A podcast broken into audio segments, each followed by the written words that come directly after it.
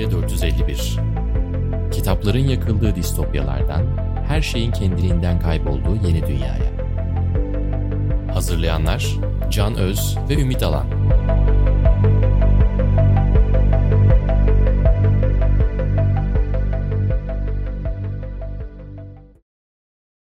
Medya 451'e hoş geldiniz. Bugün ben Can Öz, karşımda Ümit Alan. Ne gerek var sosyal medyanın düzenlenmesine başlıklı bölümde konuşacağız. Bugün hem Türkiye'nin gündeminde aslında yıllardır süren ama bu aralar daha sıcak bir konu olan sosyal medya düzenlemeleri üzerine konuşacağız. Ama esasen bu düzenlemeden çok insanların sosyal medyaya karşı kendi korumasından çok devletin kendisini korumaya çalıştığı bu sansür girişimlerinin ötesine geçip mümkün olduğunca dünya çapında sosyal medya ve sosyal medyalar nelere yol açıyor ve daha önceki programlarda değindiğimiz birçok şey üzerinden ne önlemler alınabilir, ne önlem girişimleri var, konunun gerçekten dünya çapındaki hakiki kapsamı nedir? Bunu konuşacağız, biraz kendi aramızda tartışacağız ve şu soruya cevap arayacağız. Sosyal medya gerçekten düzenlenmeli mi ve bu mümkün mü? Ümit sen bu konuda tabii çok yazıyorsun da kaç yıldır yani 5 yıldır aslında bu konuyla ilgili birçok şey yazıyorsun. Hemen sana sorarak başlayalım. Sosyal medya düzenlemesi denince dünyadaki bakış açısıyla Türkiye'yi aşarak ne anlıyoruz? Ne demek sosyal medyanın düzenlenmesi? Şimdi dünyada Türkiye'de bakınca ilk insanların aklına gelen sosyal medya düzenlemesi deyince sansür mü geliyor? Sansür mü uygulasak ve sansür mü geliyor? Muhalefet diyor ki sansür mü geliyor? İktidar diyor ki muhalefeti nasıl zapturapt altına alabiliriz gibi bir bakış açısından. Ama sosyal medya düzenlemesi sadece içerideki içeriğin düzenlenmesi üzerinden konuşulmaması lazım. Yani dünyada ilk kriter gördüğüm örneklerde yani dünya derken Batı, Avrupa ve Amerika'yı kastediyorum. Orta Doğu'da ya da Rusya'da çok farklı örnekler var. Sosyal medya düzenlemelerinin gündeme gelmesi hep bireyleri korumak üzerine. Yani ilk bakış açıları biz insanı, ülkemizin insanını, bireyi nasıl koruyabiliriz? Yani bütün arkasındaki felsefi şeyi düzenlemelerin arkasında bu. Ama bir yandan da aklımıza ne gelmeli? Dünyada ne geliyor? Özellikle ABD'de ki ABD neden önemli? Çünkü bütün platformlar bildiğimiz kullandığımız bütün platformlar neredeyse ABD'de çıktı. Yani başka bir yer Çin'den ABD'de gelen bir TikTok çıkmayan var. TikTok'ta çıktı Allah Evet. kahretmesin. Bir tane İsveç'te çıkamıyor yani. Evet. Ya zaten bir de şeyi söyleyebiliriz Evet. değil mi abicim? Sosyal medyayı düzenleyen kurumlar en nihayetinde devletler olduğu için Evet. aslında devlet neyi korumaya çalışıyorsa Evet. bu düzenlemeler vesilesiyle de onu korumaya çalışmaya devam edecektir. Dolayısıyla gerçekten demokrasi açısından üst düzey bir noktada ülke sosyal bir ülke olduğu zaman özellikle Kuzey Avrupa ülkeleri gibi şüphesiz ki bu düzenlemeler tartışıldığında insanların bireysel haklarını korumak üzerine odaklanılırken Türkiye gibi, Rusya gibi, Çin gibi ülkelerde devletlerin kendilerini koruyup insanları baskılaması için tartışma yürütülen konular. Ama biz bugün şunu biraz konuşacağız. Tabii biz bu devletlerin yapmaya çalıştıklarından ayrışıp aslında gerçekten dünyada insanların korunması için sosyal medyada nelerin düzenlenmesi gerekir biraz da bunları arayacağız. Çünkü biz Evet. Türkiye'deki gibi duruma baktığımız zaman ya bizi sansürlemeye çalışıyorlar diye refleks geliştirdiğimiz için haklı olarak Evet. düzenlenmesin diyoruz. Evet. Halbuki bu tartışmanın dışına çıkıp yine de düzenlenmesi gereken bir takım tarafları olduğunu da düşünüyoruz. Bunları bugün konuşacağız. Peki Evet. nelerin düzenlenmesi bugün gündemde? Evet, evet, zaten o yüzden ne gerek var sosyal medya düzenlemesine diye bir başlık seçtik. Çünkü Türkiye'de genel refleks buradan çıkıyor.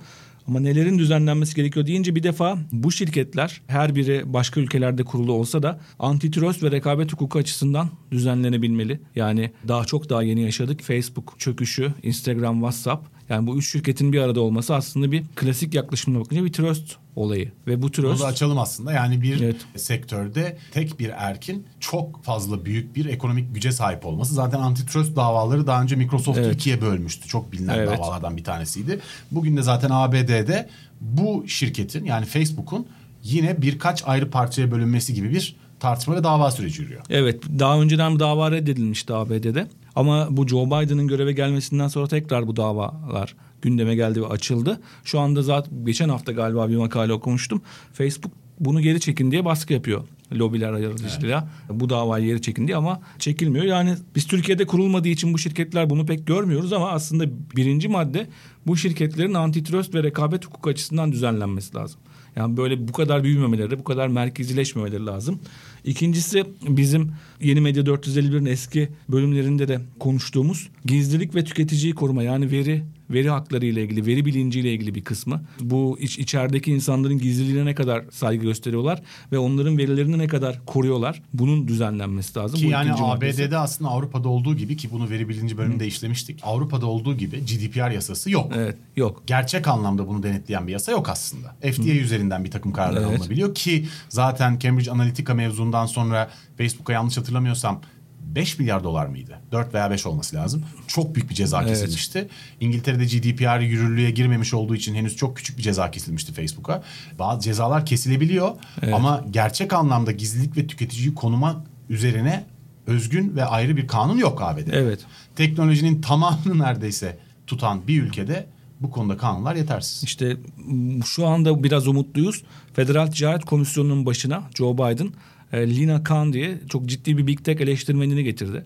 Yani bu Big Tech firma, bu büyük şirketler üzerine eleştiri kültüründen gelen o eleştiriyi içselleştirmiş bir entelektüel yazar, araştırmacı bir insan geldi. O yüzden ABD'de de gelişecektir bence eğer Biden döneminde bu şekilde giderse. Üçüncüsü de Türkiye'de en çok konuşulan tarafı içerikle ilgili kısmı yani düzenlenmesi gereken aracı sorumluluğu ve aracı bağışıklığının dengelenmesiyle ilgili durumlar. Yani aracı sorumluluğu nedir? Bir sosyal medya platformu milyonlarca, milyarlarca insanı bir araya getiriyor. Bilgi oradan akıyor. Fakat içeride dönen içerikle ilgili o kadar büyük sorumluluklar almıyor. Bunu ifade özgürlüğüyle, başka şunla bununla geçiştiriyor ve bu içerideki içeriğin sorumluluğunu almayınca ülkeler kendi kendine yeterince alamayınca ülkeler kendi kendine kanunlarla, sansürle engelleme gibi bir yere giriyorlar. Ama bununla ilgili bir şey yok. Ya bu arada bir şey söyleyeceğim. Siber zorbalık konusunda bunu işlemiştik ama birçok bölümde işlemiştik. Dijital minimalizm bölümünde de işlemiştik. Evet. En nihayetinde bu siyasi tartışmalardan ve insanların gerçek anlamda ifade özgürlüğünü kısıtlamaya çalışan bir takım şeylerin dışında internetin, sosyal medyanın insanlar için çok tehlikeli olabildiğini de unutmamak lazım. Yani burada bomba yapımından tutun. e, Evet. Korkunç çağrılara kadar, çok tehlikeli çağrılara kadar yapılabilen bir sürü şey var ve burada tamamen bu baskıcı devletlere bakarak bunlara karşı kendimizi korumaya çalışırken her şeyin tamamen serbest bırakılması gerektiği fikrine ben tamamen karşıyım. Bu tabii ki dinleyiciler için sevgili dinleyiciler size yönelik olarak söylüyorum bunu şüphesiz. Bu tabii ki bir tartışma konusu. Yani bizim burada yapmaya çalıştığımız şey zaten kendi fikirlerimizi burada dinleyicilere dayatmak değil. Evet. Ama burada aktif bir tartışma konusu var. Bu tartışmaya dünya çapındaki bir tartışmaya dahil olurken sizin tartışmaya dahil olabilecek donanıma ve bilgiye birikime sahip olmanız için size biraz yardımcı olmak, bize tabii ki katılmanızı sağlamak. Evet. Niyetimiz asla yok. Mesela bu aracı sorumluluğundan söz ederken işte Facebook'un sahibi e, Zuckerberg bir söz verdi. Dedi ki ben ABD'de biz bu Covid-19 e, Facebook'ta aşılarla ilgili karşıt içeriği yok etmekle kalmayacağız. 50 milyon kişinin aşılanmasına bizzat şey yapacağız. Biz algoritmalarımızla içerideki veriyi kontrol ederek bu hedefi tutturamadılar. Yani bu daha da kötüye gitti ve şu ortaya çıktı ki Facebook'taki aşı karşıtı içerik temel olarak 12 kişiden kaynaklanıyor. Ya 12 hesap, 12 kişi bütün o büyük bir kısmını aşı karşıtı içeriğin yayabiliyor ve Facebook bunu hala engelleyemiyor. Yani bir Doktor Frankenstein durumu da var aslında. Facebook bununla mücadele ediyorum diyor. Aşı karşıtı içeriği engelleyeceğim diyor ama öyle bir ekosistem, öyle bir sistem kurmuş ki o sistemin içinde onunla mücadele etmenin yollarını e, bulamıyor ya da bulduğu yerde de işine gelmiyor. Tabii E, birazdan şey geleceğiz o yapmaya. konuya. Yani Facebook'tan çıkan bu itirafçının söyledikleri Facebook'un bu tür konulardaki tavrı ile ilgili. Ama yani orada biraz daha iyi değinecek olmakla beraber şimdi şey söyleyelim. Ya Facebook böyle yapmıyor abi. yani yapıyormuş gibi görünmek için elinden geleni Evet, yapmasına rağmen. PR, PR kullanıyor. PR yapıyor Evet. yani bunu birazdan daha PR Evet. yapıyor ya deyip geçiştirilecek konu değil. İtirafçının itiraflarıyla birazdan e, paylaşacağız sizle. E, ama sonuçta bunu da doğrulayacağız. Evet. Facebook böyle bir şey gerçekten yapmıyor. Bu 12 kişinin 12 tane tohumun ülke çapında filizlenmesinin sebebi o tohumların orada olması değil. Facebook'un sürekli olarak esmesine müsaade ettiği rüzgar. O rüzgarı sabahtan akşama kadar yaldır yaldır estirip bütün kapakları pencereleri her tarafa açıp ondan sonra da tohum vardı falan. Çok eğitimli ve entelektüel bir yorum yapacağım. Yemezler abi. Yemezler. Biz neler neleri gördük.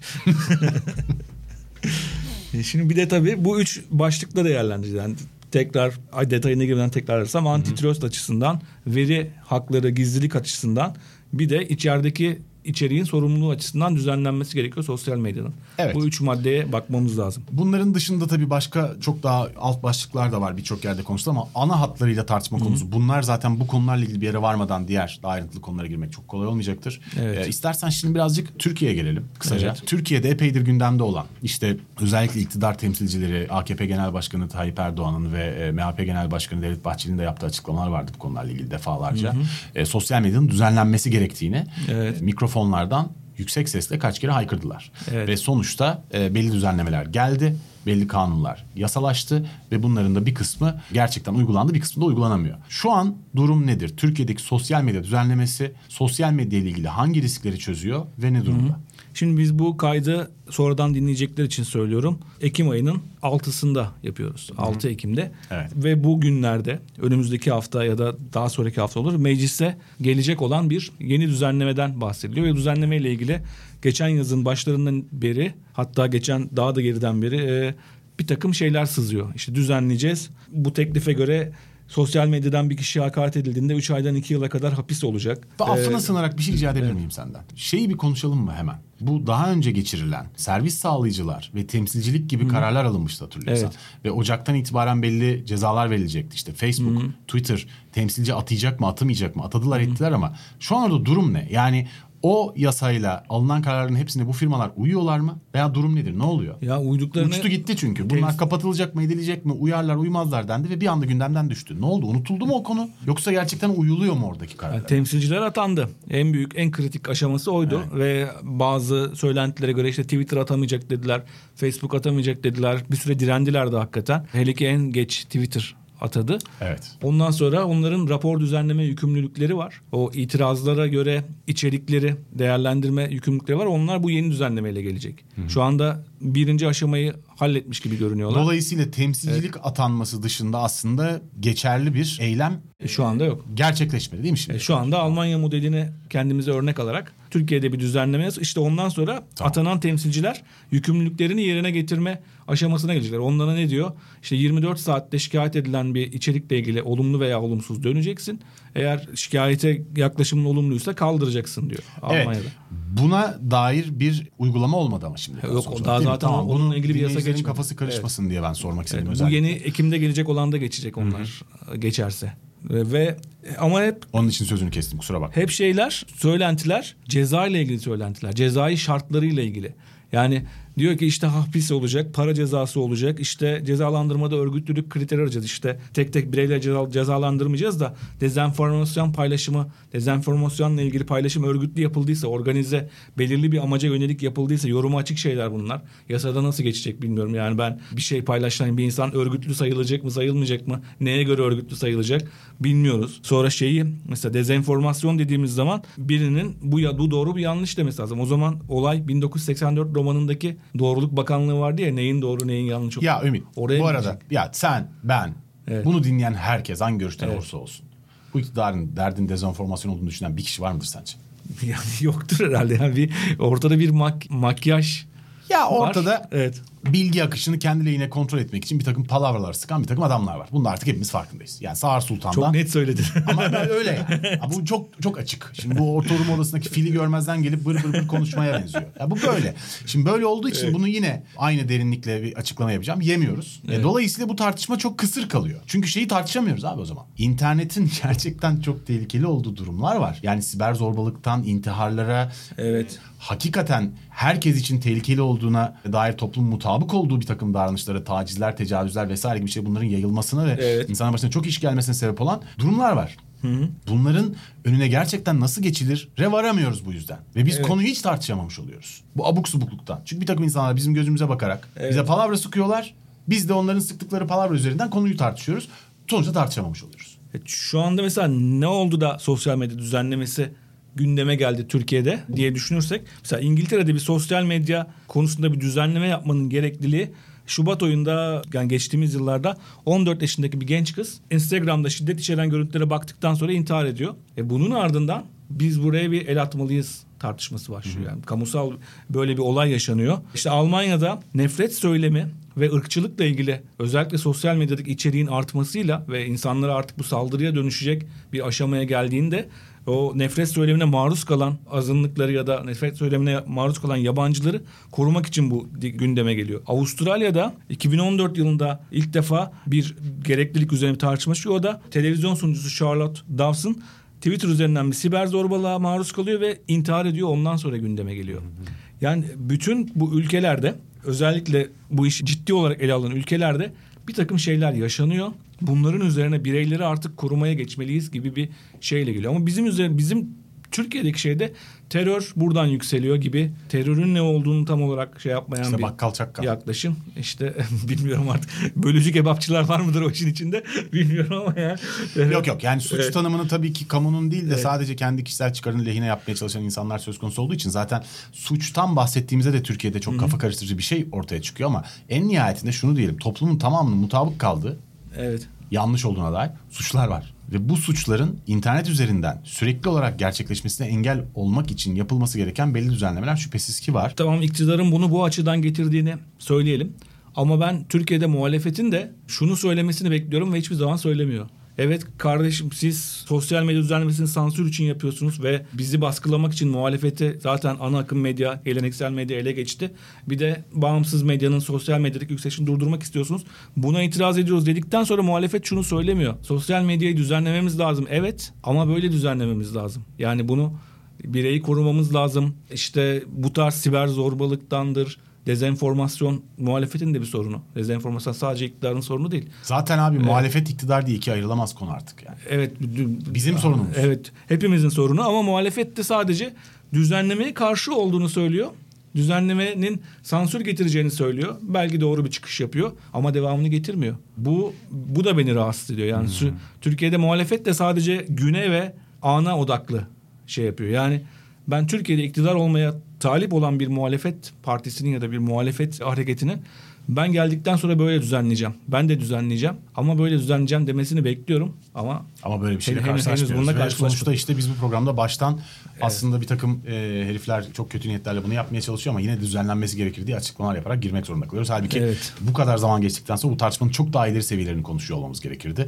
Biz Evet. programı ilk yapmaya başladığımızdan beri neleri neleri konuştuk şimdiye kadar. Evet. Ama yazık ki işte bütün programları hiç yapmamış gibi sıfırdan e, aslında niyetimiz şudur falan diye baştan girizgahlarla açıklıyoruz. Evet. E, peki Türkiye'de ne olacak sence şimdi? Türkiye'de bu yasa meclise gelecek ve geçecek de tabii çoğun meclis çoğunlukları olduğu için. Ee, ondan sonra tartışmalar başlayacak. Çünkü hangi dezenformasyon yani hangi yalan yalan haberi önleyeceğiz diyorlar dezenformasyon da hangi yalan.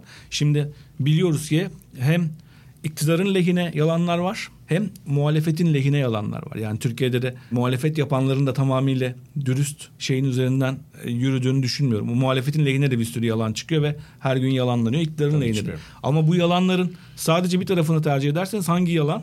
O yalanı muhalefetin lehine olan yalanları seçerseniz sanki o taraftakilerin hepsi doğruymuş gibi bir algı oluşacak. O yüzden hangi yalan sorusu önemli. Bu tartışmalar çıkacak ve şu çıkacak. Hep diyorlar ki Almanya modelini biz şey alıyoruz. Ee, Daha görmedik yani şu anda biz sadece kulis bilgileri üzerine bir takım milletvekillerinden gelen bilgiler üzerine konuşuyoruz.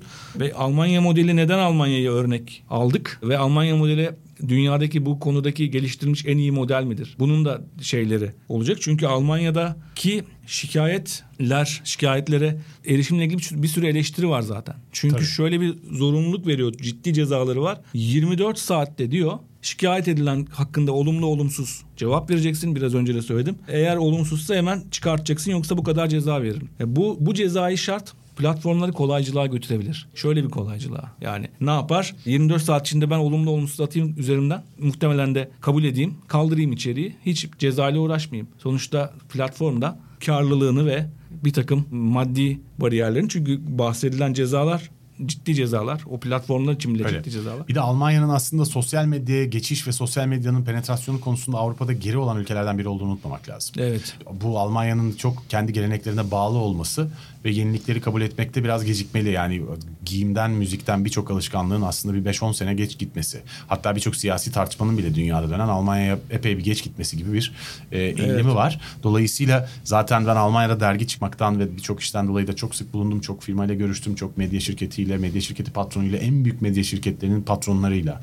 Yani işte Axel Springer'in de, işte diğer firmaların da, Stern'in de, yayın yönetmeninin de bir sürü insanla görüştüm geçtiğimiz yıllarda. Şunu çok net olarak söyleyebilirim. İnternetin ve sosyal medyanın ne işe yaradığından büyük çoğunun hiçbir haberi yok. Gerçekten. o yüzden de abuk subuk kararlar alıyorlar ve altından kalkamıyorlar ve daha zaten medya internet ile ilişki kurmak, sosyal medya alışkanlıklarına ilişki kurmak konusunda Almanya'da Avrupa'nın hemen hemen hepsinden çok daha geride ve beceriksiz. Dolayısıyla zaten işi bilmeyenler örnek alınıyor. Almanya çok yanlış bir örnek yani. 5 sene sonra çok iyi bir örnek olacaktır. Almanlar evet. çözer çünkü onu biliyoruz. Ama şu an orada değiller. Ya muhtemelen işlerine onun cezai şartları ve bu işte 24 saatte hemen kaldıracaksın. Şey evet evet sosyal medyadaki viralleşen içerik çok çabuk kaldırılmalı ama böyle şey olduğu zaman platformları mahkeme yerine koyan bir yapı da olur. Yani 24 saat içerisinde cevap vereceksin, olumlu olumsuz kaldıracaksın. Ya da hayır kaldırmıyorum deyip dava sürecine götüreceksin ama platform sürekli bir mahkeme olma Ya anladım. Sonuçta kalacak. biz e, sosyal medyanın düzenlenmesine vesaireye gelemeden aslında abuk subuk bir siyasi kakafoninin içinde kendimizi bulmaya devam edeceğiz ve bir gün siyaseten ve sosyal olarak bu kadar kakafonik olmayan bir ortamda bunları tekrar konuşabilmeyi umacağız. Evet değil mi? yani seçim öncesi Baştan ele almak gerekecek. seçim şüphesiz. öncesi sosyal medyadaki akışı daha kolay ya da daha iyi kontrol altına alabilmek için bu düzenleme bir süre büyük tartışmalara yol açacak ama ikinci bir defa Almanlar yenilince biz de yenilmiş sayıldık, konusuna girebiliriz. Yani bu, bu düzenlemeyi olduğu gibi örnek alıp da e, Almanya'nın Almanın gömleğini giymeye çalışırsak Ya bizim Almanya'da değişti. uygulananı da oradakiyle birebir uygulayacağımı düşünüyor musun Allah aşkına? ya orada hukuk da başka türlü işliyor. Yani şey hukuk başka türlü işliyor. e, Ee, peki o zaman biraz buradan çıkıp Almanya'dan geçerek dünyaya biraz daha geri dönelim istersen. Evet. Dünyada şu an aslında şey çok iyi bir bölümdü. Özgür Mumcu'yla Eray'ın yaptıkları Yeni Haller Podcast'in ilk bölümü bölümü internet egemenliği üzerine çalıştıkları bir bölümdü. Evet. O bölümü dinlemiş ve deli gibi de kıskanmıştım. Çok iyi çekmişler diye. Evet. Çok sevdiğim iki arkadaşım kimse yanlış anlamasın. Çok çok çok iyi bir bölüm. O bölümü dinlemenizi tavsiye ederim sevgili dinleyiciler. İnternet egemenliği yani ülkelerin birbirlerine karşı siyasi pozisyon almak için internetlerini ve kendi seçmenlerini ve vatandaşlarını birbirlerine karşı nasıl korudukları evet. e, ve bunun için neler yaptıklarını anlatıyorlardı. Bugün de dünyada Amerika'yı bir kenara koyarsak, kendi sahip olduğu şirketleri bir taraftan yönetmeye çalışan Amerika'yı bir kenara koyarsak, diğer ülkeler sosyal medya düzenlemesiyle ilgili nasıl bir yoldalar? Sen bu açıdan dünyada sosyal medyanın gerçekten insanlar lehine düzenlenebileceği bir yere doğru dünyanın gittiğini düşünüyor musun? Şu anda değil ama Amerika'daki umut verici bazı gelişmeler görüyorum. Şu andaki Amerika'daki tartışmalar biraz daha olumlu şeyde gidiyor. Çünkü Joe Biden'dan bahsettik. Göreve gelmesinden sonra Bilina Khan'ı atadı. Federal Ticaret Komisyonu'nun başına. Yani aday gösterip de seçildi. Şeyde de Tim Wu yine Beyaz Saray'ın içerisinde bir danışmanlık gibi bir pozisyona geldi bu konuda. Tim Wu da kitaplarını okuduğumuz ciddi Big Tech eleştirmenlerinden biri ve şunu da tartışıyorlar artık. Onlar mesela Türkiye'de bu son Facebook kesintisinden sonra yerli ve milli platformlara yönelin önerisi geldi iletişim başkanlığından. E, ama ABD'ye bakınca bu Facebook hepsi de yerli ve milli onlar için. Yani bütün platformlar yerli ama ciddi bir mücadele içerisindeler. Mesela bütün dünyada internete örnek olan Amerika'da çıkmış bir yasa, internet yasasının içerisinde bir madde var. 230. kısım diyorlar o yasanın içerisinde. Eğer bu yasa maddesi olmasaydı bugünkü sosyal medya olmayacaktı. O yasa maddesi neydi? Şöyle diyordu. Platformlar, platformun içerisinde kullanıcıların ürettiği içerikten klasik medya yayıncıları gibi sorumlu olmazlar. Yani ben bugün gazetede makale yazdığım zaman o gazeteyi de bağlıyor. Ama bir platformun içerisinde bir harekette bulunduğum zaman, bir hakarette ya da bir siyasi bir yanlış pozisyonda kaldığım zaman platform ondan sorumlu olmuyor. Bu kısıtlama işte 90'ların sonunda yani internetin ilk yıllarında Amerika'nın yasasına 230. kısım diye girmişti. Bu- Bundan sonra sosyal medya patladı. Eğer bu yasa gelmeseydi sosyal medya patlamayacak. Sonra bütün dünyada bu. Sosyal medya başka ülkelere Şey gibi gidince- olacaktı. Bu eski haber sitelerinin altında hala bazılarında var. Yorum kısmı var. Yorum yazıyorsun bazı 4 saat sonra giriyor bazen hiç girmiyor ya. Evet. E tabi sen oraya sürekli uğramıyorsun doğal olarak. Yani o Evet. içeriğin senin paylaştığın içeriğin hızlı ve anlık paylaşılabilmesi sosyal medyayı sosyal yapan ana faktör zaten. Evet. İşte şu anda o biz bu 230. maddeye bu kısma istisnalar getirelim diyorlar. Yani şu şu olursa işte çocuklarla ilgili taciz, tecavüz, ondan sonra ne bileyim intikam pornosu, şu bu gibi bazı durumlarda platform da yazanla birlikte sorumlu olsun. Yani buradan başlamaya. Yani platform sorumluluğunu tartışıyor. Biz Türkiye'de bireylere hapis cezası, para cezası verelim gibi yerden giriyoruz olaya. Yani sanki dünyanın bir ucundan robotlarla buradaki algıyı değiştirmeyeceklermiş gibi robotu mu tutuklayacağız yani? Türkiye'de botlar yayıyorsa eğer dezenformasyon bu dünyanın başka yerinden yapılıyorsa ABD'de diyor ki platformlara sorumluluk getirmeden biz bu işi çözemeyiz. Ve zaten Avrupa Birliği de ona çok yakın bir yerden gidiyor. AB'nin şeyleri de ve bu platformları daha fazla sorumlu tutup platformlara sen içeride bu kadar insanı bir araya getiriyorsan bunun sorumluluğunu alacaksın baskısını yapmak bence bir yönde doğru. Çünkü ifade özgürlüğü dediğimiz şey en son işte e, benim geçen hafta yazdığım bu kayda göre geçen hafta yazdığım yazıda eski Google CEO'su Eric Schmidt'in orada bir öz eleştirisi vardı. Biz ifade özgürlüğünü öyle yanlış bir yerden aldık ki içerik kaldırma ile ilgili taleplere çok agresif yaklaştık ve kaldırmamak için iyi bilginin kötü bilgiyi yeneceğini düşündük diyor. İnternetin ilk yıllarında, sosyal medyanın ilk geliştiği yıllarda hmm. ama öyle olmadı. İyi bilgi kötü bilgiyi yenemedi. Aksine kötü Tabii. bilgi iyi diyor bilgiyi ki aslında evet. yanlışlıkla oldu ben kötü bir şey yapmaya çalışmamıştım diyor aslında açıklama o. yani biz o söylediklerinde yeni bir bilgi yok. Biz bir ben ben benim niyetim o değil de hakim bey diyor. evet, evet bunu söylüyor. Çünkü bu çok kötü bir yere gidiyor ve sorumsuz evet, insandan bir tanesi çıkıyor. Bunu söyle ve şu anki eğer diyor yapay zekada şey üretmeye başlayın ki, ki bu çok kolay diyor insanın zaafları yüzünden ileride dezenformasyon yapay zeka tarafından üretilmeye başlarsa diyor şu anda da robotlar yayıyor ama insanlar üretiyor dezenformasyonu. İleride bunu bir de, bunu bir de makine yapmaya başlarsa diyor şu anki sorunumuz çocuk oyuncağı kalır diyor. Bir şey yapmamız lazım diyor Eric Schmidt. Yani adam eski Google'ın Google efsanesinin yaratıcılarından biri, en önemli CEO'larından biri eski CEO'su. O bile bu endişe içerisinde. Biz bir işte biz bir şey yaptık. biz bir Ben onu Akif Bekir'e benzetiyorum. Öyle bir Peki dur başka evet. bir şey diyeceğim. Şimdi buradan yola çıkarak şeye gidelim biraz istersen. Tamam. Facebook'tan Facebook itirafçısı konusuna biraz çıkalım. Evet Facebook'un. Ee, çok ilginç çünkü oradan çıkan sonuçlar değil mi? Evet, itirafçının Frances Hogan sanırım. The Wall Street Journal'ın bir araştırmacı gazetecilik dosyasından kaynaklandı bu itiraflar ve içeriden bir çalışanın eski bir yönetici pozisyonlarında bir çalışanın itirafları birkaç sene önce bir tane daha çıkmıştı böyle de o çok ciddiye alınmadı. Ee, New York Times'ta falan haber olmuştu. Yine The Wall Street Journal'da işte 5-6 maddede özetlemiş birçok şeyi var. Kamuoyunda en çok şu tartışıldı. Instagram'ın özellikle yetişme çağındaki genç kızlarda ciddi etkileri, beden algısıyla ilgili ciddi etkileri olduğunu saptayan araştırmalar yaptırmışlar. Yani Instagram kendisi yaptırıyor bu araştırmayı. Ve sonra bu araştırmada çok şey sonuçlar yüzde 32'sinin gençlerin bundan çok etkilendiği zehirli zehirli bir etki yarattığı ile ilgili. Ama sonra bu araştırmayı kamuoyuyla tabii ki paylaşmamışlar. Yani biz biz genç kızlar bunu diyemez ama düzeltme konusunda ciddi bir yol almamışlar. Bir bu çıktı. İkinci olarak şey çıktı. Facebook'un topluluk kuralları herkese geçerli dedikleri topluluk kuralları aslında belirli bir kitle için, bir elit kesim için geçerli değilmiş. Mesela bir tanesi futbolcu Neymar. Neymar bir tecavüzle, tacizle suçlanmıştı. Onunla ilgili onu çürütmek için bazı görüntü ve mesajlar paylaşmış Neymar Facebook hesaplarında. Bunu hemen silmesi gerekiyormuş sistemin. Yani otomatik bir sistemle yani siz ifşa ederseniz bir şeyi, bir içeriği hemen bunu silmesi lazımmış. E, ve siliyormuş da normal kullanıcılarda ama Neymar'da saatler sonra büyük bir gecikmeyle silmiş. Bu da aslında bu kuralların bazı bilinçli olarak esnetiyorsun. Bir, bir, evet, bir Zaten hep tartışma biraz öyle. Yani biraz önce konuştuğumuz Eric Schmidt'te de aynı şey var. Hı hı. Ya bir takım e, leşler var ortada.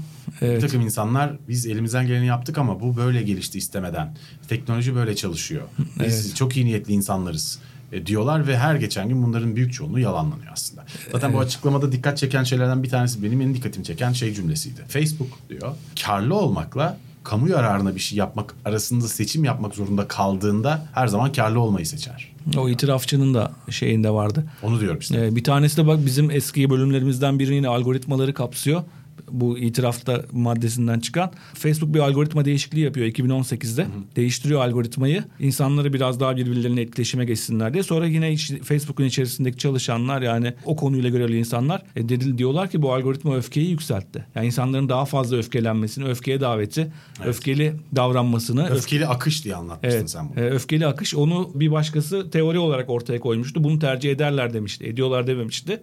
Bu itirafçı diyor ki biz bunu zaten tespit etmiştik bu 2018 evet. algoritma değişikliğinde. E bunu Bay Zuckerberg'e götürdüğümüzde direndi diyor şey konusunda. Zuckerberg'in senato karşısındaki e, açıklamalarında hep ben bilmiyorum benim hiç haberim yoktu. Aa yeni duydum falan onu... gibi kimsenin yutmadığı o saf salak halini hatırlıyorsun. İşte onu yalanlıyor aslında. Ya, diyor ki... Teknoloji şirketlerinin genel hali benim gözümde hep o Zuckerberg'in o bir taraftan suyunu içerken saf ve iyi niyetli çocuğu oynamaya çalışan halini hatırlatıyor. Evet. Mr. Şekerdağlı. Mr. Şekerdağ. Ya burada yeni medya diye çekip yeni medyayı anlatıp Türkiye'deki sansürcülüğe karşıyız falan deyip bir yeni medya düşmanı gibi bir pozisyona çıkmış oluyoruz ama hayır. Bu firmaların sorumluluk almayıp yedikleri naneleri kamufle etmeye çalışmalarının çok ciddi evet. tehlikeleri var. Peki Amerika ile ilgili sana bir şey sormak istiyorum. Evet. Ee, bu konuda ne düşünüyorsun? Şimdi Amerika'nın evet yani işin sıfır noktası şeyin bütün internetin merkezi şu an neredeyse. Evet. Ve e, Amerika'nın aldığı kararlar bütün dünyayı etkileyecek. Direkt evet. etkilemesi de emsal teşkil edecek zaten. Evet. Ancak burada şu çok ciddi kuşku uyandırmıyor mu sende de? Şimdi Trump işin başındayken bir şeytanlaştırma operasyonuyla bu firmalarla kavga etmeye çalışırken şimdi Biden biraz daha sanki gerçek problemi çözmeye çalışan insanları devreye sokmaya çalışır gibi görünüyor. Hı hı. Ama bir şu son dönem yapılan anketler ve açıklamalara bakılırsa da Biden'ın birinci dönemi sonunda tekrar Trump'ın seçilme olasılığı ciddi görünüyor. Şimdi bu önemli değil. Kim seçilir kim seçilmez Evet. bizim konumuz değil şu an ama Evet. 4 senede bir iktidarın değiştiği, değişen iktidarların kendi siyasi çıkar ve pozisyonlarına göre dünyanın tamamında var olan bu teknoloji şirketlerinin yasal mevzuatını düzenlemeye çalıştıkları bir ortamda internet dünyanın geri kalanı içinde sağlıklı bir şekilde düzenlenebilir mi gerçekten? Yani Amerika'da mutluyum dedin diye söylüyorum. Bence sağlıklı bir şekilde düzenlenemez. Yani internet artık ya internet bir ağ ve bütün dünyayı kapsıyor. Ya birbiriyle bağlı bir ağ. Dolayısıyla aslında bu bir dünyanın sorunu ve dünyanın bütün devletlerinin bir araya gelerek şirketlerle, bilimden, akademiden temsilcilerle bir araya gelerek düzenlenmesi gereken bir şey. Ama bunu ülkeler kendi kendilerine düzenlemeye çalışıyorlar. İşte Avrupa Birliği kendine göre kriterler getiriyor. Doğrudur, yanlıştır, abartılıdır bilemeyiz ama Amerika'nın siyasi konjonktürüne göre düzenlenecek olma ihtimali tabii ki doğru değil. Fakat şunu da görüyorum son dönemlerdeki şeylerde. Bazı konularda cumhuriyetçilerle demokratlar bayağı uzlaşıyorlar. Bu zararı konusunda. Sadece işte Trump'ın platformlarından atılmasından sonra sağcılara şey mi yapılıyor gibi bir tartışma olmuştu. Yani cumhuriyetçiler daha mı kıyıcı davranılıyor cumhuriyetçilere göre ama bu özellikle çocukları Cumhuriyetçilere sağcılar dediğine göre diğer partinin solcu olduğunu düşünüyorsun. yok yani ne bileyim. Şaka yapıyorum. O da liberal liberal sol. Ne diyeyim? Ee, Amerika'da Şaka ne yapıyorum, kadar şaka lütfen. Amerika'da ne kadar? İşte o yüzden ama şeylerde çocuklara verdiği zarar konusunda işte bu algoritmalar konusunda falan birçok konuda da uzlaşıyorlar. Umudum şu anki yönetimin bu işi biraz daha ciddiye alıyor olması. Trump'ın o tribünlere oynayan öfkesi haricinde. Ama umutsuzluğum da tek bir ülkenin, tek bir ülkenin siyasi konjonktürüne bağlı olmaması. Bunun çok daha geniş spektrumla tartışılması. Yani E, bizim... Bu zaten biraz en sonunda bir de çözüm önerimiz nedir? Ne yapılabilir? Ne Evet. yapılması işin ideal çözümü olur noktasına gireceğiz. Hı hı. E, tabii burada şu hayatı zorlaştırıyor diye düşünüyorum. Biz hep de bu aralar duyuyoruz. İşte mesela bilime inanıyorum, bilime güveniyorum. Bilimin tarafındayım ve bilimsel metodun tarafındayım. Ancak bunu diyenlerin çoğu ben dahil bilim insanı değiliz. Evet. Dolayısıyla karşılaştığımız bilimsel metnin, makalenin veya bilginin doğru olup olmadığını tartabilecek birikime sahip değiliz. Evet. O yüzden biz aslında okuduğumuz veya duyduğumuz bir şeyin doğru olduğunu bize söyleyen bir bilim insanına inanıyoruz yine de. Evet. Bir bilime inanış söz konusu olmuyor. Bir insana inanıyoruz yine biz her noktada. Son tahlilde öyle. Son tahlilde öyle ve internet düzenlemesi konusunda da bir sosyal bilimler alanı olduğu için teknoloji Evet. alanı olduğu kadar insanların doğru bilgi alması, net bilgi alması sadece bir takım muhataplarının sözlerine güvenmesiyle söz konusu oluyor. Peki bunun üzerine şu soruyu sormak istiyorum sana. Bütün dünyada aynı anda çok yoğun, çok aktif olarak hem Z kuşağı gibi sosyal konular vesaire üzerinden hem sosyopolitik sistemler, devlet yönetim mekanizmaları sistemleri, ekonomik mevzular, satışlar, gelirler, kar paylaşımları falan. Herkesin aynı anda içinde olduğu bir tartışmada dört yılda bir sistemi değişen bir ülkenin kararlarına bakarken biz nasıl bu işin içinden çıkacağız sade bir vatandaş olarak? Sade bir vatandaş olarak için içinden çıkmamız e, aslında internetin geçmişine bakmamızla mümkün olacak bence. Yani burada kime güveneceğiz derken benim bu konuda en çok fikrine güvendiğim insanlardan biri Sir Tim Berners-Lee. Sir Tim Berners-Lee e, www dediğimiz bu ağın, webin mucidi dediği- dediğimiz kadronun başındaki bir insan. Bu adamlar web dediğimiz şu an kullandığımız anlamda interneti icat etmiş insanlar. E, o, o ekibin içerisinde halen hayatta Sir Tim Berners-Lee ve bir vakıf kurdu. Web Foundation diye. Ve bu vakıfla kurma amacını şöyle söyledi. Biz interneti böyle hayal etmedik dedi. Biz bunu icat ettik ama böyle hayal etmedik. Bizim hayalimiz insanların merkezi bir sisteme bağlanmaktan çok ademi merkeziyetçi bir şekilde bütün dünyaya yayılmış, merkezi olmayan ayrı ayrı bilgisayarların bir araya gelip ayrı ayrı web sayfalarının, bloklarının bir araya gel- geldiği bir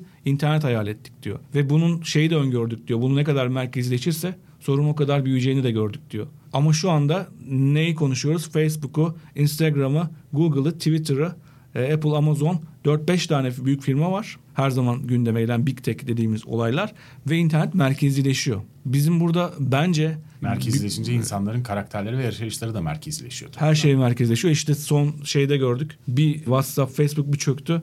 Neredeyse internet kesilmiş gibi oldu birçok insan için. Kaldı ki WhatsApp ve Facebook Türkiye'de gece çöktü. Evet, gece Aslında çöktü. bu teknolojiye insanların sosyalleşmek dışında çok da ihtiyacı olmayan saatlerde çöktü. Ve ama çok Amerika'da büyük- gündüzdü mesela. Çok büyük bir tartışma konusu oldu ve internet bak kendi deneyimimden ben o kadar anlamadım ki ilk önce olayı. WhatsApp'a giriyorum işte şirketle yazışamıyorum falan.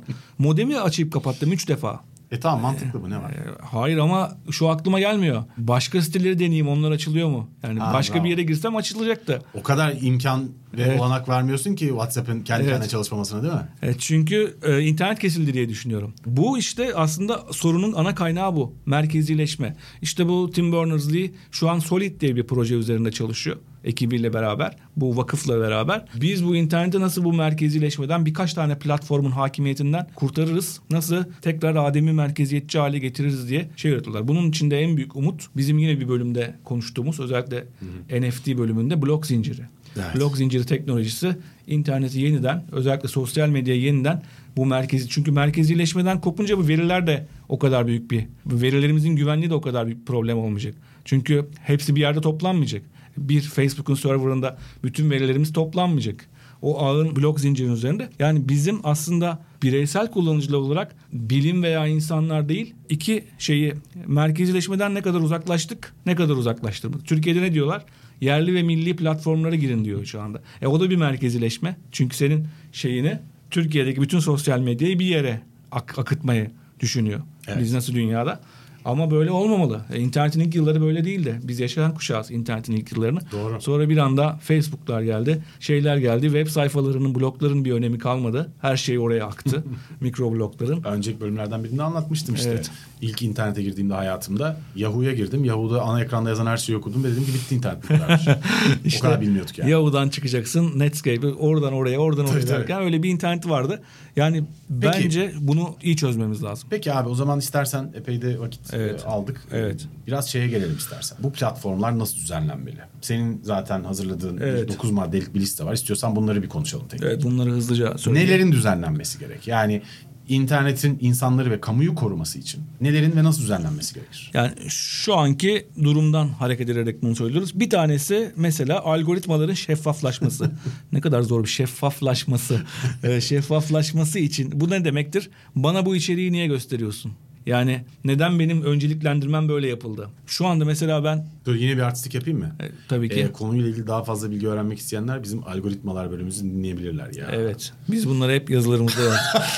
diye bir laf Ama orada e, orada senin anlattığın bir şey vardı. O çok ilginçti. Algoritmistlerin Evet. dünyada geleceği bir şey gibi aynı mali müşavir gibi senin karşılaştığın platformlarda anlamadığın şeylerde mahkeme üzerinden algoritmistle Evet. karşılaştığın içeriğin ve sana sunulan hizmetin temelindeki algoritmayı denetlettirebileceğin Evet. bir takım girişimler var dünyada. Aslında şeffaflaşma yine biraz önce işte bilimde söylediğim gibi sen anlayamayabilirsin. Ama bir algoritmist bunu senin için anlayıp sana Evet. o bilgiyi verebilir. Evet yani bana bir önceliklendirme yapıyorsa Yeminli Instagram'da algoritmistler gelecek yani. Evet onlar gelecek her şey için yani bankanın verdiği krediyi bile o algoritmayı incelemek için öyle algoritmistlerle çalışacağız ve eğer platformlar da bir algoritma kullanıyorsa bana bunu niye önceliklendirdiğini göstermesi lazım. O zaman ben de bir hile kafamda- hurda olmadığını da anlamamız lazım. Yani Evet. öfkeli akış varsa bizim bunu öğrenebilmemiz lazım. Evet, bir ya da- adamın e, senatonun önüne çıkıp tavana bakarak hayır demesiyle sınırlı kalmaması Evet gerekiyor. sürekli aşı karşıtı içerik görüyorsam bana Evet. bunu niye gösterdin? Bunu kamuyla paylaşmayabilir. Evet.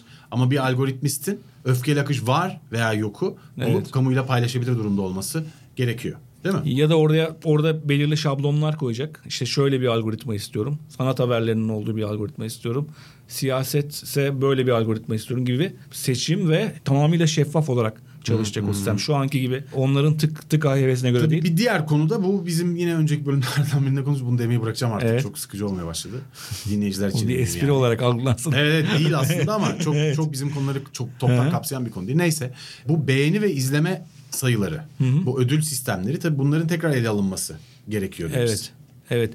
New York Üniversitesi'nde Amerika'daki kutuplaşma ile ilgili bir rapor hazırlanmış. Demişler ki biz bu Amerika'daki kutuplaşmayı nasıl çözeriz diye bir sürü çözüm var. Tek çözüm bu değil ama bir tanesi 10 maddeden bir tanesi şu. Sosyal medyadaki beğeni ve etkileşim izleme sayıları gizlensin demiş. Çünkü insanlar bu beğeni sayılarının arttırmak, izleme sayılarını arttırmak için türlü türlü numaralara girişiyorlar. Türlü türlü numaralara giriştikleri zaman da kutuplaşma da artıyor. Çünkü eğer ben çok fanatik bir cumhuriyetçiysem daha fanatik bir cumhuriyetçi oluyorum. Makul bir cumhuriyetçiysem biraz daha fanatiğe doğru gidiyorum. Sağcıydı biraz önce birden cumhuriyetçi oldular. Sağcıya işte eleştirdi ya. cumhuriyetçilere. Evet, Türkiye-. O, yok zaten Evet. çok e, kavramlar çok karışık abi. Şöyle bir laf var mesela Türkiye'de bilmiyorum duydun mu? Etilerde usta yaşayan solcular diyor. bu lafın aptalcılığı neyse boş ver geçtik ama zaten bu konuları sağ sol falan diye ele aldığın zaman acayip bir kavram kargaşasının içinde kayboluyorsun. O yüzden Evet. itiraz ettim ona hakikaten. Çünkü dezenformasyon da bu ödül, ödül için yapılıyor çoğu zaman. Yani bir haberi normal aktarmak varken değiştirerek aktarıyor ki daha fazla şey alsın. Yani beğeni alsın, daha fazla izleme alsın diye. Dolayısıyla ödül mekanizmalarını ya gizlemek ya başka türlü düzenlemek ya da şey yapmak var. Mesela hepimiz çoğumuz bilmiyoruz Instagram'da kendimiz için ödül, ödül mekanizmasını düzenleyebiliyoruz aslında. Ama hiç duyurmuyor Instagram bunu ciddi bir şekilde. Yani ben mesela yaptım birkaç haftadır öyle. Benim Instagram sayfama girip de bir içeriye baktığın zaman Can Öz ve diğer kişiler beğendi diye yazıyor. 356 beğeni ya da 1000 beğeni gibi yazmıyor. Tabii. Onu aslında Sayı- bir ara haberlerde duymuştuk. Ama bununla ilgili başka güncellemeler de geldi. Onlar o kadar Evet. paylaşılmadığı için insanlar ayrıntılarını bilmiyorlar. Ama ben de göremiyorum. Mesela ben o ayarı açtığım için şu anda senin sayfandaki beğeni sayılarını göremiyorum. Bu mesela algoritmaların şeffaflaşması gibi benim peşinen emin olarak katıldığım bir konu değil. Bu bir ama iyi bir tartışma konusu muhakkak. Burada Daha zor bir konu, evet. Çok zor bir konu. Diğer madde biraz önce konuşmuştuk zaten sen Onu bahsetmiştin. Merkezleşmekten merkezleşme, uzaklaşma. Bir diğer madde birazcık bahsettin ama onu biraz daha açalım istersen. Evet. Moderasyonun artması, bağımsız doğrulama organizasyonlarıyla çalışmak. Yani gelen Evet. bilginin doğru olduğuna biraz daha ikna olabileceğimiz modellerden bahsediyoruz. Çok daha fazla. Her ülkenin bağlamına göre çok fazla daha fazla insan çalıştırması gerekiyor. Yani bu kadar para kazanmasına rağmen as- aslında çok az kişi çalışıyor bu organizasyonlar.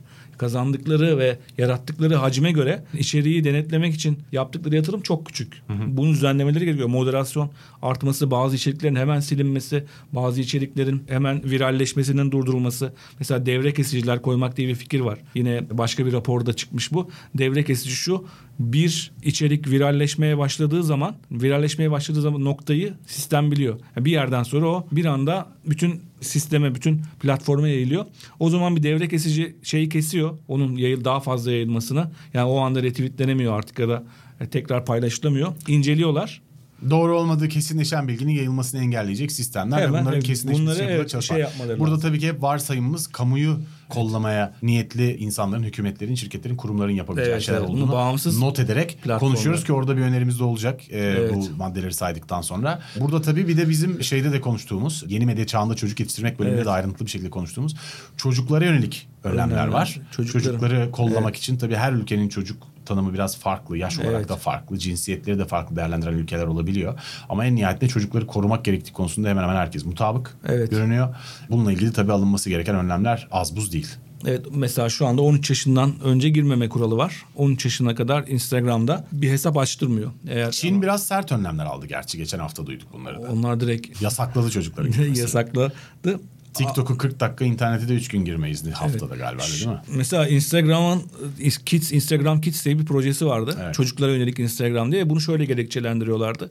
Çocuklar zaten giriyor biz engellemeye çalışsak da 13 yaşından önce. Bari o girenleri Instagram Kids diye bir yerde tutalım. Kontrol altında tutalım diye. Yani biraz aslında bir kıvırma var orada.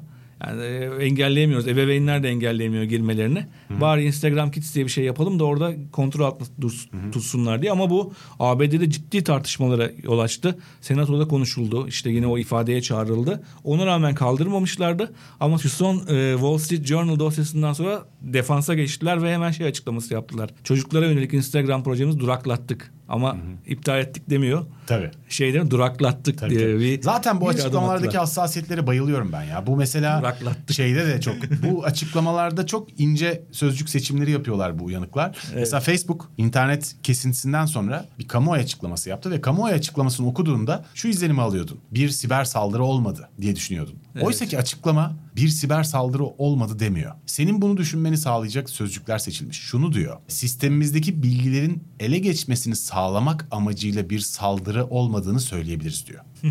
Bunu yayından önce söylememiştim bak şimdi söyleyeyim. Bilerek söylemedim ki şey olmasın. Sana anlatırken ki şehvetimi kaybetmeyeyim diye. evet. e, öyle değil mi? Orada bir incelik var ya. PR var orada. Bir Yani şey, e, siber saldırı yoktur demiyor. net bir Facebook. şekilde söylemiyor. Evet. Veriler Bilgileri çalmak için bir siber saldırı olmadı Evet. diyor. Onu dediğinde de bu okuduğumda da ben şey diye düşündüm zaten. Demek ki kesinlikle bir siber saldırı olmuş. Başka bir şey hedefleyen. Evet, zaten bir Anonymous hesabından e, DDoS atak falan e, dediler DDoS ama tabii onu bilemiyoruz. Hiçbir yerden doğrulanmadı. bu. Hani Doğrulamadı, Facebook evet. doğrulamayacaktır da bir başka Evet. destekleyen bilgi de çıkmadı. Sonuçta bilmiyoruz. Evet. Bilmiyoruz. Zaten başında konuştuğumuz bu şeffaflık yoksunluğu. Ama o kadar da iyi açıklıyor. Yani şu sorunu Ya devletin şeffaf olmaması gibi bir şey artık. Çünkü bu firmaların de şeffaf olması korkunç bir şey. şu sorunu aslında net bir şekilde anlatmaları lazım. Bunu yapmıyorlar. İşte böyle dediğin cümlelere e, giriyorlar. Bir başka önlem olarak troller ve bot kullanımı. Bunlara ilişkin yeni bir yaklaşım geliştirmek zorundalar. Yani bu trollerle ve botlarla Evet. mücadele mücadele için şu anki yaklaşımlar yetersiz. Sen yazmıştın da şeyi. Özellikle e, Twitter'ın Jack Dorsey'nin yaptığı açıklamalarla belli siyasi gruplara dair açıklamalar yapıyor olmasının çok yetersiz ve işi çok siyasi bir boyuta çektiğini.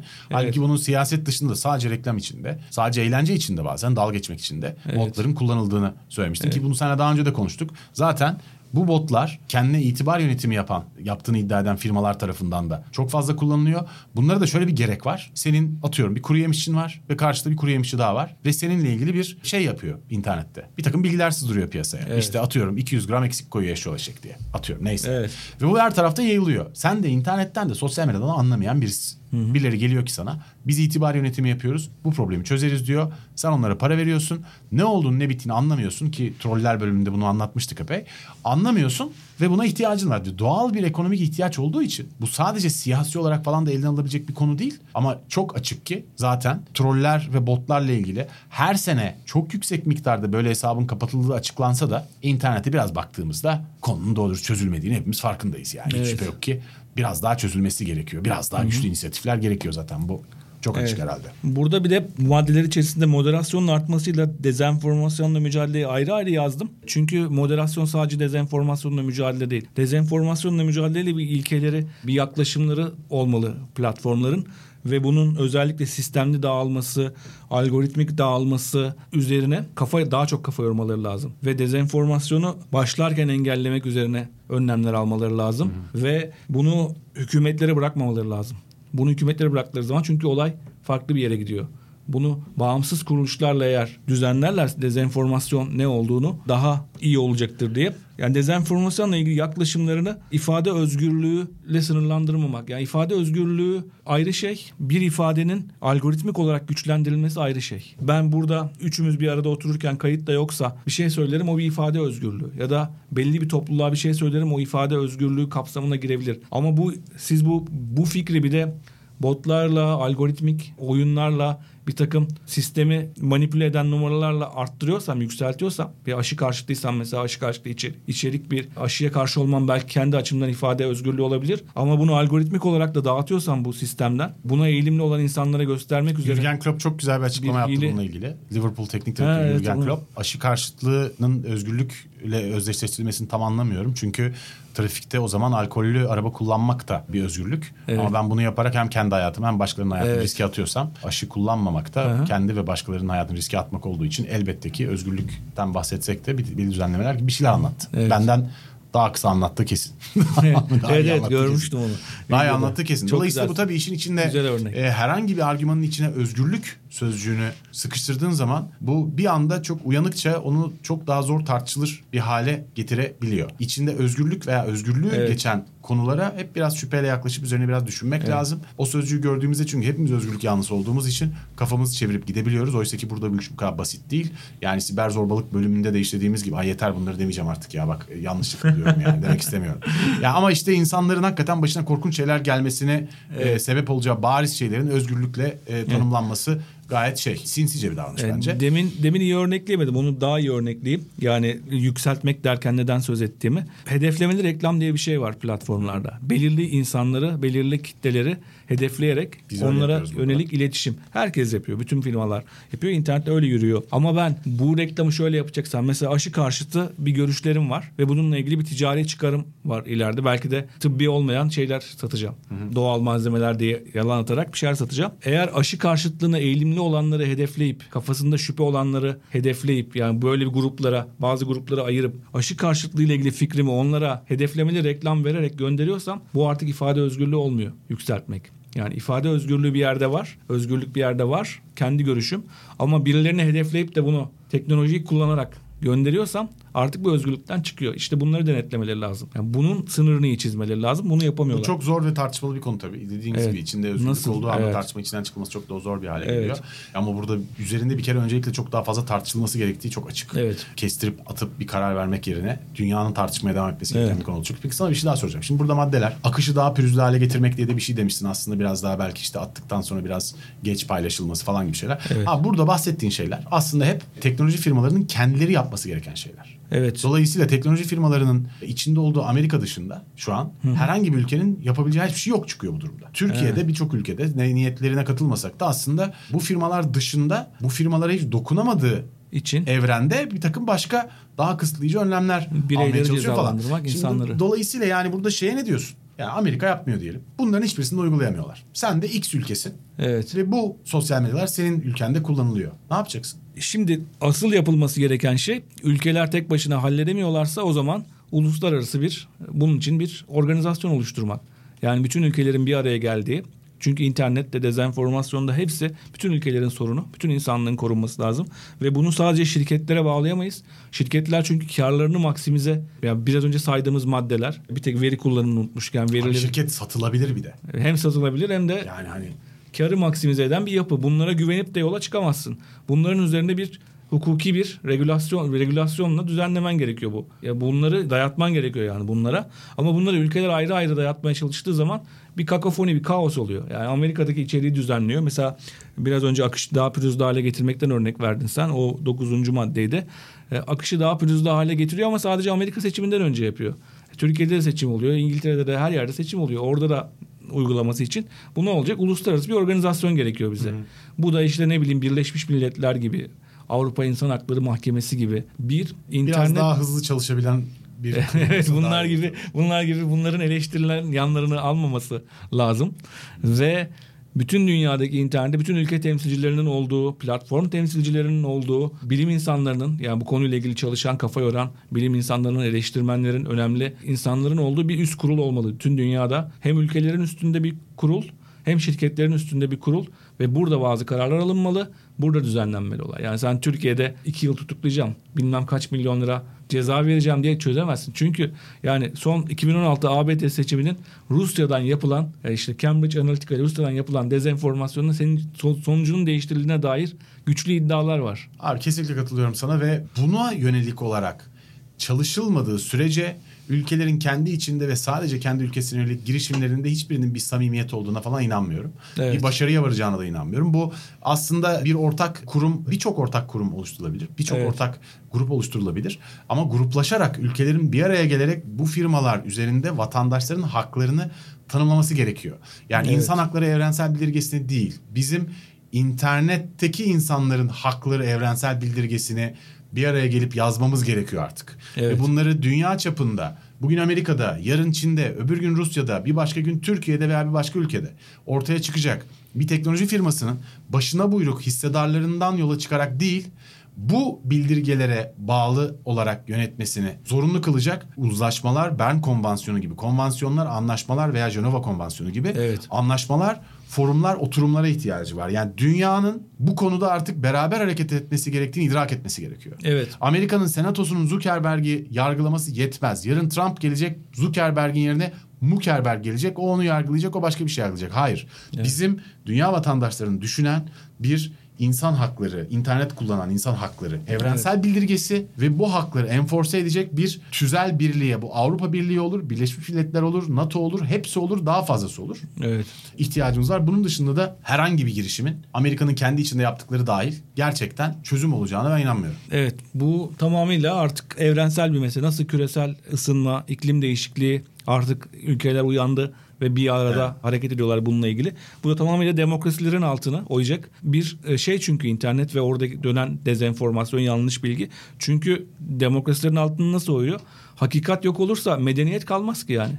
Yani bir şeyin gerçek olduğu, hakikat olduğunu bilmediğimiz sürece bir medeniyetten, bir uygarlıktan söz etmek mümkün olmaz. Dolayısıyla bütün dünya bir araya gelecek, mücadele edecek diyerek son laflarımı söylemiş çok, olayım. çok keyifli oldu bu arada benim için. Ümit çok keyif alarak teşekkürler. e, sohbet ettim. Bir tek dinleyiciler kusura bakmasın sürekli olarak eski podcastlerimizi satmaya çalışıyorum falan diye ama dinleyin abi çok iyi podcastler ne yapayım. E, şey e, bu arada bugün e, şimdiye kadar bizde e, podcast odasında uzun zamandır Furkan'la oturuyorduk. Furkan Evet. e, başka bir iş için ayrıldı. Kendisine çok seviyoruz. Buradan selamlar iletiyoruz Evet. ama bugün karşımızda podcast'in bizim için editörlüğünü yapan sevgili Barkın Kızıl var. Sokrates'in imza programlarından vasıtaların aynı zamanda Evet. e, katılımcısı. Kendisi de bir podcastçi. O yüzden ona da buradan selam söyleyelim. Podcast'ı onunla kaydetmek de güzel bir tecrübe oldu bizim için. Bir podcastçi dinliyor ve editingini yapıyor podcastlerin yani. Bu da harika bir şey. Çok güzel. Öyleyse sevgili dinleyiciler Yeni Medya 451'in bu bölümün sonuna geldik. İki hafta sonra bir dahaki bölümde görüşmek üzere. Hoşçakalın. Görüşmek üzere.